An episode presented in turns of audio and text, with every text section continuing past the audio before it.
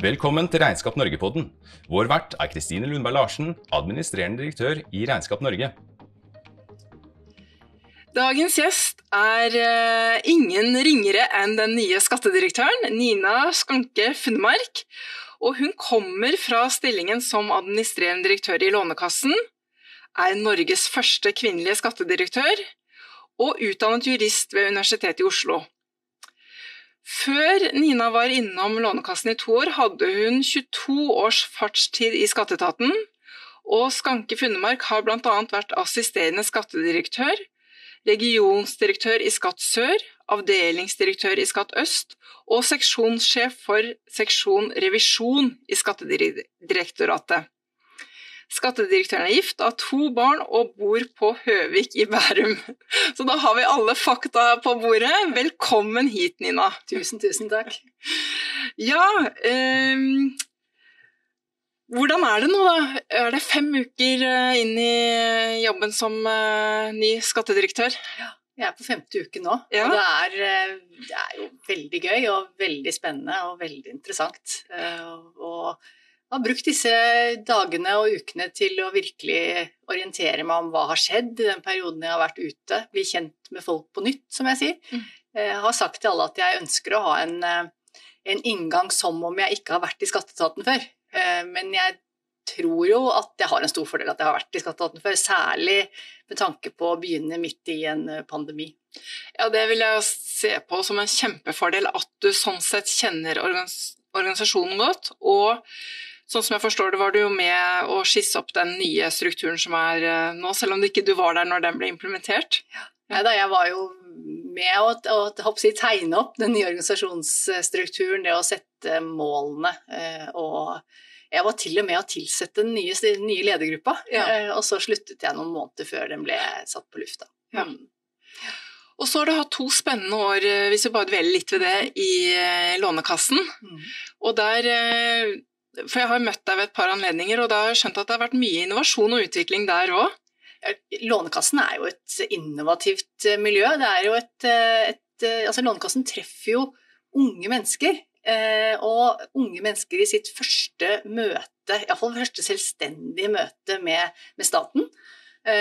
og det er jo utrolig viktig at de, i det første møtet at de får et positivt inntrykk. jeg sa da jeg jobbet i Lånekassen at Eh, vi har et ansvar for hele statlig sektor å gi gode løsninger, gode digitale løsninger. Og så er det jo, er det jo kunder, eh, som vi kaller det i Lånekassen, eller kalte i Lånekassen, eh, som har forventninger om enkle digitale løsninger som, og få raske svar. Så Det er erfaring jeg har med meg nå inn i skatteetaten. Ja, for det her kan du ta med deg inn i den nye jobben nå, da. Ja, og, jeg, og jeg, det, er det som er litt morsomt, da, er at jeg sa når jeg var i Lånekassen, så sa jeg det at eh, det er, skulle gjerne kombinert den, den, utviklingskraften og innovasjonskraften som er i skatteetaten med den som er i Lånekassen. Fordi at skatteetaten er veldig god på de store utviklingsprosjektene, mens Lånekassen har hatt mer altså mindre eh, innovative aktiviteter, eh, og det er jo en mindre portefølje òg. Ja. Og det som kunne smelte den type metodikk sammen, det ja. måtte være det ideelle. Og nå vil jeg jo påstå at jeg sitter i en posisjon som kunne bidra til det. Det blir spennende å følge med på. Ja. vi har jo noen ting vi er veldig spent på fremover, så ja, vi kan snakke mer om. Mm. Men litt sånn, hvis sånn helt overordna um, hvilke ambisjoner har du nå eh, satt deg som for skatteetaten fremover, og hvilke utfordringer ser du? Så nå er jeg, som, som, vi sa, inne i femte uke. Og jeg har jo sagt eh, i mange sammenhenger at jeg skal bruke litt tid på virkelig å komme, før jeg kommer med noen klare forventninger og klare ambisjoner. Eh, men så allikevel så har jeg jo vært så mange år i skatteetaten at jeg klarer jo ikke å ikke si noe likevel. Eh, og det, det er noen ting jeg er opptatt av. Det ene er jo at Skatteetaten har alltid vært eh, eh, både utviklingsorientert og innovativ. Og hvis vi skal fortsette å være det, så, eh, eller fortsette å ha den posisjonen, da, så må vi ha fokus på det hele tiden. Vi må fortsette jobbe med å være langt fremme, helst i front med utviklingen i samfunnet. Og vi vet jo det at utviklingen rundt oss går jo i et forrykende tempo. Det er mange næringsdrivende som tar i bruk nye digitale løsninger, som tenker innovasjon på en helt annen måte nå enn man gjorde før. Så det å henge med på det, og helst være i front og klare å koble våre tjenester og tilby tjenester som, er, eh, som gjør det enkelt for, eh, for kundene og brukerne For kundene, nå var jeg rett tilbake til Ja, landkassen, ikke sant? Ja. Nei, for, for de skatteytere, skattepliktige, avgiftspliktige og brukerne våre. Ja. Eh, Så det er jo en av, eh, en av de tingene. Og så eh, en av de tingene jeg er opptatt av, og så er jeg opptatt av at vi skal fortsette arbeidet med forenkling for næringslivet. Forenkling og forutsigbarhet er vel to ting som jeg, er- som jeg er opptatt av. Og, og da gjøre det så enkelt som mulig for den seriøse delen av næringslivet, de som virkelig ønsker å drive virksomheten sin, men, det, men også etterleve pliktene sine, men gjøre det på en enkel måte. Så det å ta det arbeidet videre, det er jeg opptatt av. Og så er det jo selvfølgelig den, det å hele tiden ha fokus på å forvalte eh, oppdraget vårt, sikre etterlevelse, eh, opprettholde tilliten eh, til skatteetaten. Det er eh, helt sentralt i det, det jeg er opptatt av. Og det her er jo som musikk i våre ører, så klart. Vi er eh, veldig enig i det, og det opplever jeg at vi har jo et veldig eh, godt samarbeid og en god dialog med dere. Og nettopp det der at vår erfaring er at de aller fleste næringsdrivende ønsker jo å drive innenfor reglene og, og oppfylle alt som er forventet av dem. Mm. Og så må vi ha ordninger og rutiner og strukturer, så har vi fått hatt de som prøver å snike seg unna og ikke bidra med sin del til fellesskapet. Og sånn sett også ødelegge litt i konkurransen fordi at de kanskje ikke etterlever og ikke betaler inn det det skal i moms og skatt, og har lavere priser og ja, ødelegger for de som prøver å være ryddige, da. Mm. Så der, der opplever jeg at vi har et sånn felles eh, mål, og, og vår bransje er jo veldig opptatt av det, ikke sant, regnskapsbransjen. Det å bidra til at uh, kundene uh, betaler riktig moms og skatt til rett tid osv., og, så videre, og Mm. sikre etterlevelse at det er i, i orden. Da. Det er liksom sånn som jeg opplever er litt sånn yrkesstolthet, eller ligger litt sånn i ryggraden da, hos eh, regnskapsførerne. Og det, tenker, ja, og det, det er jo det som, som gjør samarbeidet mellom skatteetaten og regnskapsførerne så bra, fordi vi, er, vi har den eh, felles ambisjonen. Og jeg tenker at eh, hvis vi klarer å levere på det og gjøre det enklere for eh, næringslivet, enklere å oppfylle sine plikter, så vil vi også eh, gi oss selv kapasitet til å følge opp eh, og veilede, enten der man ikke får det til, eller følge opp de som ikke ønsker å, å, å etterleve.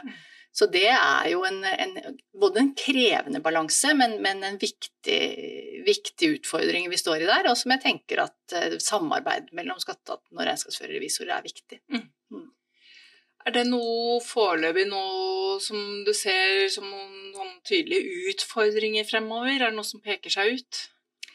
Så jobber jo fortsatt med å få, få opp utfordringsbildet, eh, men, eh, men det er klart at hele Hvis vi skal, hvis vi skal liksom se, se litt sånn stort inn i samfunnet og se litt inn i, i glasskulen, så, så er det jo dette med eh, økt grad av digitalisering og tempo på digitaliseringen som er en av de virkelig store utfordringene. Og mulighetene. Altså det, det handler om begge deler. Eh, Men digitaliseringen bidrar jo også til å skape nye forretningsmodeller, nye måter å gjennomføre transaksjoner på, eh, som, som gjør at eh, vi må, vi må tenke nytt på hvordan vi følger opp, og hvordan, hva slags kontakt vi har med, med næringslivet. Eh, Så er det jo kanskje ikke akkurat i disse dager, da, men ellers er det jo liksom mye større mobilitet av både mennesker og tjenester. Varer er det jo heldigvis eh, god mobilitet på fortsatt, eh, men, men, det, å, men det å klare, å- klare Den kombinasjonen med globalisering og digitalisering skaper jo helt annet bilde eh, av eh, de utfordringene som vi står i. Så det er ting som, eh, som vi må følge med på. Det er jo noe vi må være i takt med og ha oversikt over. Både for å tilrettelegge for, for eh, enkle tjenester, men også for å kunne avdekke hvis noen utnytter det mulighetsrommet til skatteunndragelser. Ja, ikke sant. For der, eh, det er jo noe vi er litt opptatt av, er jo Ja, det ligger masse muligheter i teknologien og, og digitaliseringen. Eh, og så er det noen som tror at alt kan gjøre seg av seg selv, at man ikke trenger fagpersoner lenger. Og Mm. der, det ser vi jo gang etter gang at næringsdrivende som ikke har noe økonomiutdanning og så prøver seg på sånne gjør det selv-løsninger, eh, det blir vanskelig, da, og det blir mye rot. Og så kommer de fortvila når det nærmer seg årsoppgjøret til en regnskapsfører. og Erfaringen er ofte at det er så mye rot at man må bare føre hele regnskapet på nytt. Så, det, så selv om det ligger masse muligheter i teknologien og vi kan eh, effektivisere mange rutineoppgaver, så, så er vi litt sånn opptatt av at det trengs fagpersoner fortsatt til å gjøre kvalitative vurderinger. Det er også en del rom for vurdering i lovverket. Mm. Og man må forstå f.eks. For momsregelverket er jo ganske komplekst, og det å forstå hvordan det påvirker bedriften, og hva man kan få fradrag for og ikke, og innafor og utafor, og hel og halv, og så, mm. og. Eh, og jeg syns jo det som skjedde i skatt, eh, skatteetaten i Danmark, det var vel var det 2016-2017, hvor de hadde da skulle de investere masse i teknologi, så de sa jo opp en hel haug med folk. Det var jo hele offentlige forvaltningen. Mm. Og, og, den eh, seksjonen som da drev med å beregne der hvor man skulle tilbakebetale utbytteskatt til land, altså investorer som man hadde, var i land men man hadde skatteavtale med. Det, det er en hele avdelingen borte, så det satt én person igjen, og så skulle alt automatiseres. Mm. Og de ble jo svindlet for 12,3 milliarder danske kroner mm. i 20, 2017, var det. Ja, det var vel noe rundt der, ja. ja. ja. Og det verste var at det, selv etter at de hadde avdekket hva som var i ferd med å skje, så klarte de jo ikke å stoppe det. Man kunne jo tenke seg at man kunne bare dra ut kontakten, men alle systemene er jo integrert i hverandre. Det er noe av utfordringen, at det, alt henger sammen. Mm. Sånn at hvis det er, blir feil ett sted, så får det så store konsekvenser. Og det tenker jeg er et sånt paradoks at for første gang i historien så fikk ikke skatteetaten i Danmark godkjent regnskapet mm. av Riksrevisjonen for 2017. Og det har de fått helt siden man satt og førte det med penn, ikke mm. sant. Mm. Så der var man litt ivrig på teknologisiden, kanskje. Ja, jeg tror jeg den saken var litt mer sammensatt og litt mer, mer, komplisert enn det. Men, men, at det handlet ikke bare om, om, om eh, digitalisering, det handlet også om eh, muligheter i regelverket ja. eh, osv. Og, og, og selvfølgelig kontrollstrategier og en rekke ting. Ja. Men, at, eh, men, det som var viktig for oss den gangen, var jo at eh, også skatteetaten i Norge kunne lære mye av danskene i etterkant, og, bruke, og, kunne bruke det aktivt og se hvilke hull er det vi eventuelt har. Ja, mm. ja og det at det noen ganger er nyttig at eh, noen menneskeøyne ser på ting, og det er litt sånn ja. common sense som uh, ikke er kanskje så lett å bygge inn i Selv om man kan bygge inn masse kontroll. Rutiner i systemet. Så ja, det var bare en liten sånn wake-up call, tenker jeg på. Det, det, jeg tenker når det gjelder digitalisering, er jo at eh, og, og menneskene er jo at det må, det må eh, agere sammen. Mm. Eh, og kompetansen og, og, og digitale systemer må, må, agere sammen. Men det betyr at vi må omstille oss, vi må jobbe på andre måter, og vi må kanskje bruke kompetansen vår på en annen måte. Eh, men det kan gi oss også muligheter til å gjøre ting som vi før ikke hadde kapasitet eller kompetanse til. Mm. Så, så det er jo det jeg tenker er det viktigste utfordring for, eh, Eh, for en leder når man sitter og jobber med digitalisering av prosesser, er at man må se på hvor er det man nå trenger å bruke ressursene og kapasiteten sin og kompetansen sin, og, og hva, hva, slags type omstilling er det vi må gjøre for å møte det. Mm. Mm. Ja, og det er helt klart helt enig i, og erfaringene fra regnskapsbransjen som har vært igjennom sånn, første runden av det digitale skiftet, mm. er jo at ja, å kjøpe ny teknologi, det er jo egentlig det, å implementere det er det enkleste, men det er der hvor det som er krevende, er at uh, man skal jobbe på en annen måte, som det sier, enn det man er vant til før. Altså når man er uh, barn og ungdom så, så lærer nye ting, så lærer man det jo for første gang, og det er nytt og spennende. Men det oss som voksne som er vant til å gjøre det på én måte, og har det i fingra og, og, og, mestrer det, det å skulle avlære det, og så begynne å gjøre noe som vi ikke mestrer, det er kjempekrevende som leder å stå i det. Mm. Ja, det er absolutt. Det er noe med å vite hvor man skal, og hva man vil. Mm. Nå har jo dere i Skatteetaten eh, vært igjennom en stor eh, omstillingsprosess, eller flere omstillingsprosesser mm. de siste årene. Og det er i hvert fall sånn som vi kan Hva vi klarer å observere fra utsiden. Eh, gått egentlig veldig bra. Og det, da tenker jeg litt interessant å høre hva tenker du er suksessfaktorene bak det at disse endringene har gått såpass bra? Skatteetaten har vært gjennom mange omstillinger. Både de store, eh, hvor man har fått eh, tilført eh, nye oppgaver og nye medarbeidere. Både Statens innkrevingssentral ble overført, innkreving av tolloppgaver ble overført. Nå det siste er de kommunale skatteoppkreverne. Og så er det jo hele det å gå fra fem regioner til landsdekkende divisjoner. Ehm, det er liksom de store omstillingene. Og så er det jo det å gjennomføre omstillinger sånn er mer i de mindre, enten man implementerer som vi snakket om i sted, nye systemer som krever nye arbeidsformer, eller det er rett og slett at man bare ser at her må vi løse ting på en ny måte. Og det jeg tror på da, i forhold til å, å lykkes med omstilling, handler om et ganske sammensatt bilde. Um, og litt avhengig av, av, om det er noe du tar initiativ til selv, eller om det kommer fra politisk hold, f.eks. Ja. Uh, men hvis du skal ta, ta, utgangspunkt i en omstilling som man identifiserer selv, da, uh, så er det jo først å liksom Hva er utfordringen? Hva er det vi trenger å løse? Um, og så må du sette en klar ambisjon. Hva er det du skal oppnå? Hvor, hva er retningen på det du skal oppnå? Um, så er det jo sånn at all omstilling Enten det er digital, digitaliseringsprosjekter eller det er eh, omorganiseringer, eh, så handler det om mennesker. Omstilling handler først og fremst om mennesker og kultur. Og måten vi jobber sammen på. Og er det noe som er krevende, som vi er innom, så er det jo nettopp det å, å få et felles bilde av hvor vi skal.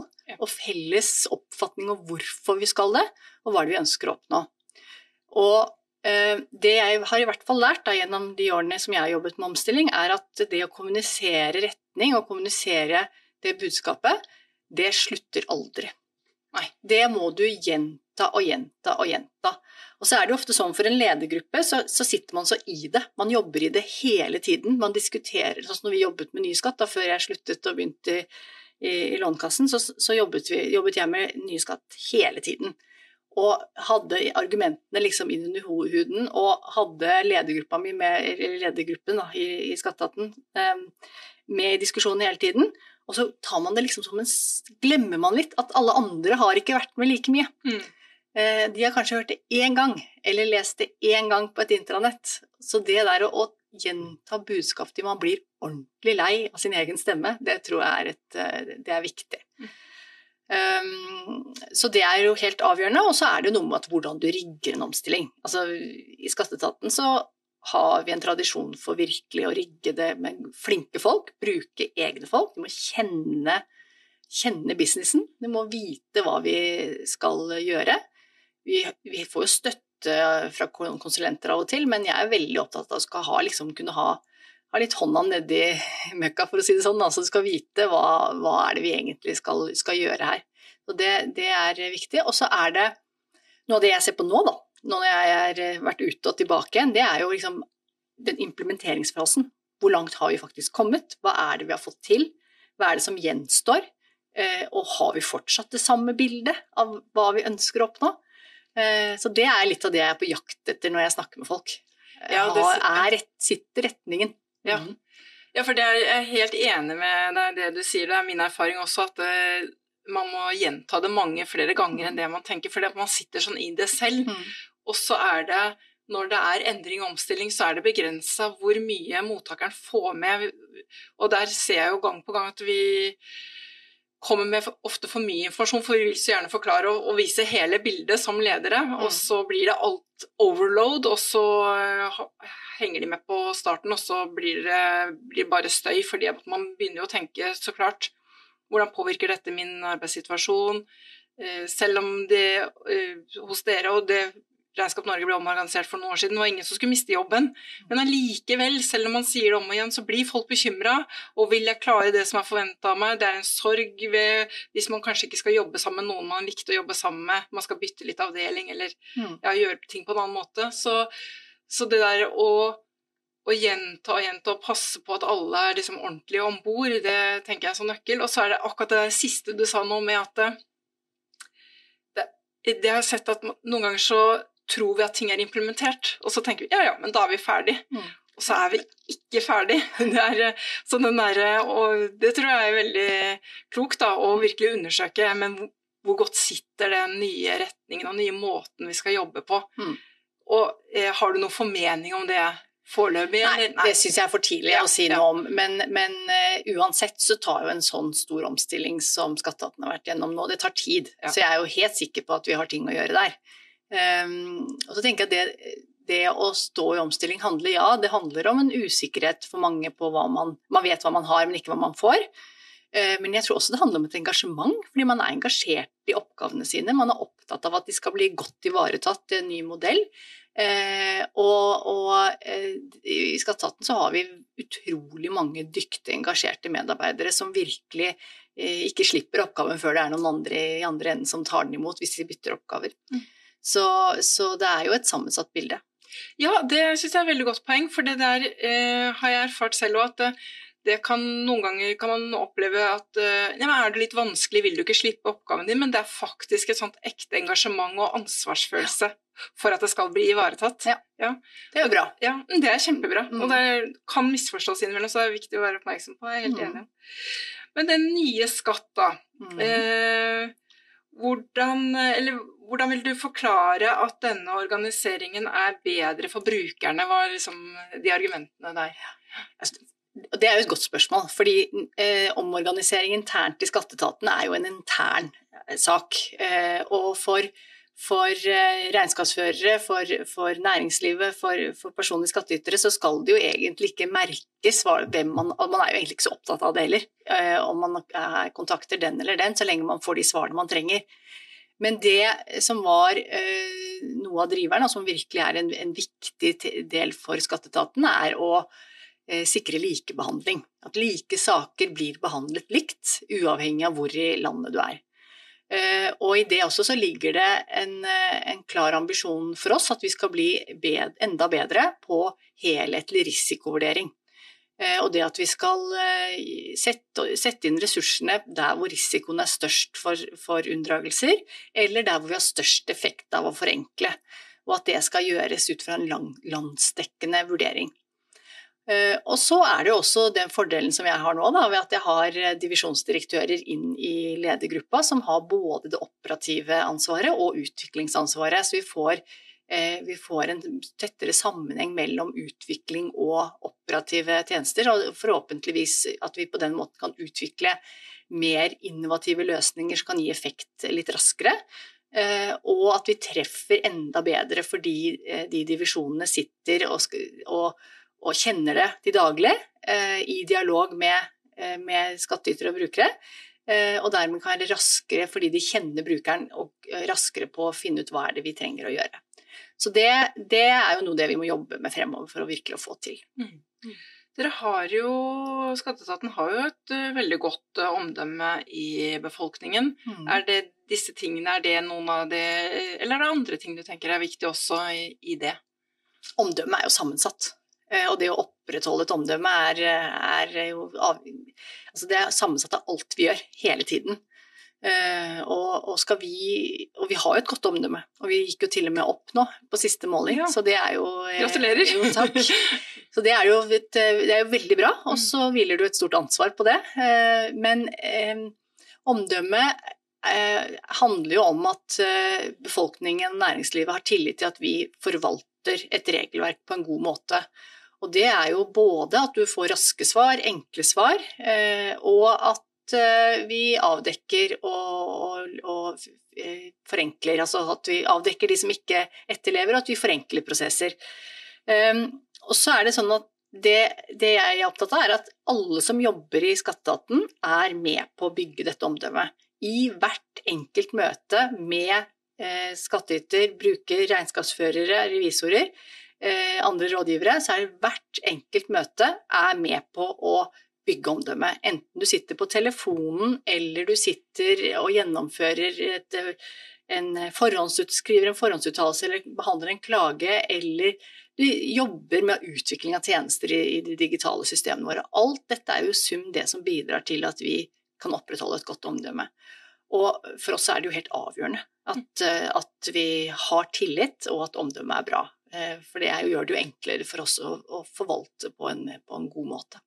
Ja, for dere har jo Jeg er helt enig med deg. Det, det er jo akkurat som i næringslivet, når du leverer en tjeneste kontra Mm. det å levere en vare, Mm. så har man jo mer merkevaren og omdømme bygget inn i, i produktet, mens i en tjeneste så er det jo akkurat disse møtene mellom Mm. mennesker og, og opplevelsen når man møter en virksomhet eller en organisasjon. Da. Så, og dere som er en så stor organisasjon, da, det er jo da utrolig mange muligheter for å lage gode opplevelser, Mm. og tilsvarende også høy risiko for at det kan skjære seg. Ja. ja. Det er det jo. Ja. Og det, det er jo, men heldigvis det er jo veldig, det er mange flinke folk i Skatteetaten, så er det jo helt sikkert noen som har opplevd å, å ikke få akkurat de svarene man vil, og ikke få den eh, raske behandlingen som man vil, det vet vi jo. Men, men eh, jeg opplever at de som jobber har et genuint ønske om å levere eh, gode tjenester. Og det må vi jo bare bygge videre på. Hvordan jobber dere med den dialogen med brukerne? Har dere liksom satt i noe system, eller er det mer Ja, det, det er jo noe som det er eh, fokus på, og som det jobbes eh, mye med nå, men det er en av de tingene jeg ikke har satt meg helt ordentlig inn i, så jeg kan ikke svare ordentlig på hva vi faktisk gjør nå. Eh, Men det å ha, å sette bruker i sentrum, det å forstå bruker, hvis vi kan bruke sånn felles begrep, da. Det å forstå bruker og brukers behov eh, er jo helt avgjørende. Det å ha kunnskap og innsikt, og da er jo samarbeid med sånn som dere viktig. Å, for dere har jo førstehåndskunnskap om hva regnskapsfører er opptatt av. Så derfor er vi opptatt av å vite hva dere, hva dere mener og hva dere tenker. Um, det, og, det, og det utgangspunktet må vi ta når vi skal eh, tegne opp eh, nye måter å levere tjenester på. Så må vi vite hva behovet er. Ja, der opplever jeg at eh, vi har en veldig god dialog, og at eh, ja, regnskapsbransjen betjener jo over 400 000 kunder, så det er jo 70 eh, omtrent av norsk næringsliv bruker jo en regnskapsfører, så det er jo vi, får vi er jo veldig sånn tett på hvordan ting er, og vi merker jo særlig det nå i disse dager når vi jobber med kompensasjonsordning og, og sånne ting, så får vi veldig sånn tydelige tilbakemeldinger på hva er det som rører seg rundt omkring i landet blant de små og mellomstore. Og vi er jo veldig opptatt av det med eh, forenkling, da, at det skal være gode rammebetingelser, at det skal være greit å drive privat virksomhet i Norge. Og det had, var jo tidligere skattedirektør veldig opptatt av, Mm. å, å forenkle mer, og særlig for næringslivet. Og hvilke tanker har du gjort deg rundt det eh, foreløpig, og om du allerede nå har noen eh, konkrete ting dere skal jobbe med? Det er kanskje litt tidlig? Ja da, Um jeg, som jeg sa innledningsvis, så er jo det er jeg veldig opptatt av. Det å forenkle og sikre forutsigbarhet. Eh, Og når jeg tar med forutsigbarhet, så handler jo det om at det er jo, det jo Vi forvalter et komplisert regelverk. Eh, Det er jo et sammensatt regelverk, så det er jo på noen måte grenser for hvor enkelt det kan eller bør gjøres. Eh, Men hvorfor jeg da kobler på forutsigbarhet, er jo at det handler om at vi på ting som er komplisert, må jobbe for at vi kan bli enda mer forutsigbare på hvordan eh, ulike problemstillinger skal fortolkes, eh, når man kan få avklaringer, eh, hvilken veiledning kan du få, og, hvor skal du gå, altså hvor i systemet vårt er inngangen. Så det, er, det er et viktig, viktig satsing videre. Så jobber vi med forenkling i, utvikling av, av nye systemer. Og nå er vi, vi er i gang med å utvikle en ny skattemelding for, ja. for næringslivet. Eh, og der eh, vil vi kjøre en liten pilot til neste år. Eh, og det eh, for enkeltmannsforetak. Og det håper vi jo da å kunne, at det skal gi oss gode erfaringer, så vi kan rulle det ut løpende med, med årlige leveranser da, frem mot eh, 2024, er vel det jeg tenker. Eh, og det, det blir jo veldig bra. Det tror vi kan bli veldig bra. Det å eh, forenkle de prosessene, få tettere integrerte prosesser opp mot års, årsoppgjørssystemene, større tilpasning til næringslivets eh, prosesser og videreutvikle med mer automatiske løsninger. Så det er et, eh, noe vi jobber med, og det tror vi vil effektivisere for næringslivet, og det vil effektivisere for oss. Så, så det er vi, er vi opptatt av. Og så jobber vi også med MVA-systemene våre, MVA-systemet vårt, og der har vi eh, forenklet MVA-registreringen. Eh, den eh, den er, er, er i gang og gjør det mye, nå mye enklere. Det skjer, nå husker jeg ikke akkurat tallene, men nå skjer det i løpet av noen timer, det som før kunne ta opptil tre uker. Ja.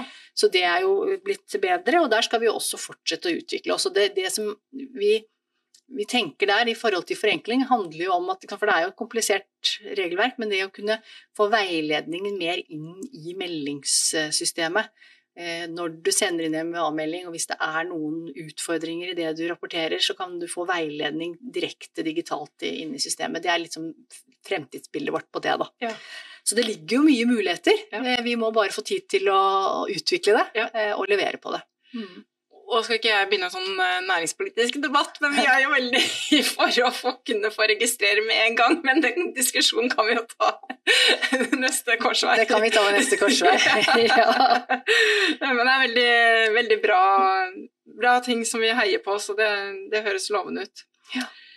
Hvordan tenker du at eh, regnskapsførerne og vi kan fortsette å være gode samarbeidspartnere for Skatteetaten fremover?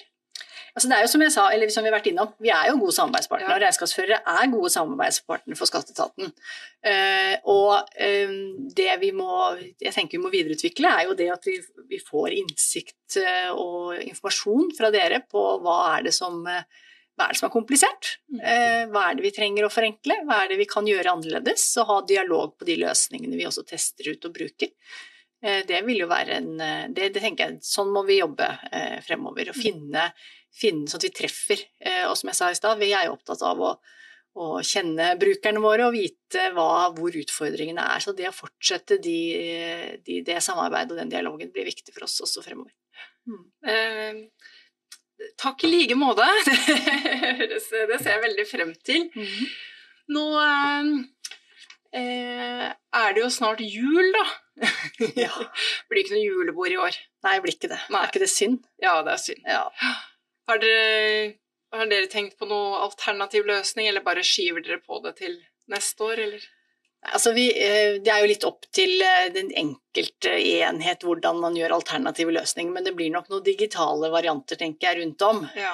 Um, men jeg må jo si, jeg syns jo det var trist å formidle, som en av de første tingene å formidle ut som ny skatteritør, at det blir ingen sosiale sammenkomster i skatteetaten før jul. Og spesielt kanskje for at er nå, nå hadde vi jo trengt det Ja. etter et, et sånt år. Men Mm. det er jo ikke skatteetaten alene om. Nei da, det er jo oss alle. Jeg kjenner det på egen organisasjon at eh, ja, vi var Altså, vi håndterte liksom den derre umiddelbare krisesituasjonen i, i våres, og så fikk vi et sånt lite hvileskjær i sommer med litt ferieuker, og så hadde vi sånn kommet tilbake med sånn 50-50% løsning, kontor, hjemmekontor. Rigga til en del arrangementer innenfor smitteverntiltakene og så litt sånn lyst på høsten, og så kommer den andre bølgen, og da Ja. Så vi er jo, vi er jo i samme båt alle sammen. Det er jo det å finne de derre eh, Ja, du eh, sa når vi snakket om tidligere at eh, du hadde noen sånne digitale kaffemøter. Ja, Ja. med, med medarbeidere i skatteetaten, ja. Ja. Vi var først fordi vi måtte jo også rigge om de møtene vi skulle ha med regnskapsførere og revisor rundt om i landet. Da skulle vi jo ha, noen, ha møter rundt om i hele landet som vi har gjort om, måtte gjøre om til digitale møter. Eh, Men ja, eh, det er jo det sant, når du kommer som ny leder inn i en stor etat med mange ansatte og egentlig hadde ønske om å reise rundt og snakke med flest mulig, eh, så, så tenkte, jeg, jeg, tenkte jeg at nå må jeg finne på noe annet. Så det, det jeg da gjorde var å egentlig åpne kalenderen min fra halv ni til ni hver morgen. Og så var det i stedet for å lage en stor administrasjon, så kan da grupper rundt om i landet i, i Skatteetaten booke kaffemøte med meg på morgenen. Og det er jo så hyggelig. Ja. Så nå har jeg vært Jeg har ikke holdt på med en ukes tid, da. Ja. Eh, men jeg har vært eh, både i Lofoten og i Tønsberg og på Lillestrøm og litt forskjellige steder. Og har, har vel nå avtaler frem til jul. ja. Så Så det blitt godt tatt imot av organisasjonen. Ja, Ja. foreløpig så har de gjort det, og det, det jeg har sett hittil er jo både at jeg får innsikt, og så får de mulighet til å stille noen spørsmål, og noen av de tingene jeg har fått inn har jo vært veldig eh, viktige problemstillinger som Ja. jeg har fått formidlet videre, blant annet i dag var det noe til juridisk avdeling, så det er bra. Ja. Mm. Det høres ut som eh, dere har funnet noen gode løsninger, og ja, det tror jeg vi jobber med alle sammen eh, for å klare oss best mulig. Og så er det jo oppløftende nå at det kommer vel en vaksine ut på nyåret der. Så. Ja, det må vi håpe. Ja. Ja, det må vi håpe. Mm. Det var veldig hyggelig å snakke med deg, Nina, og jeg gleder meg til vi skal møtes igjen. Nå blir det vel digitalt de første møtene, og så ser jeg frem til eh, også andre møter etter hvert. masse lykke til videre i, i, inn i den nye rollen som du er på god vei inn i, og tusen takk for besøket. Tusen takk for meg.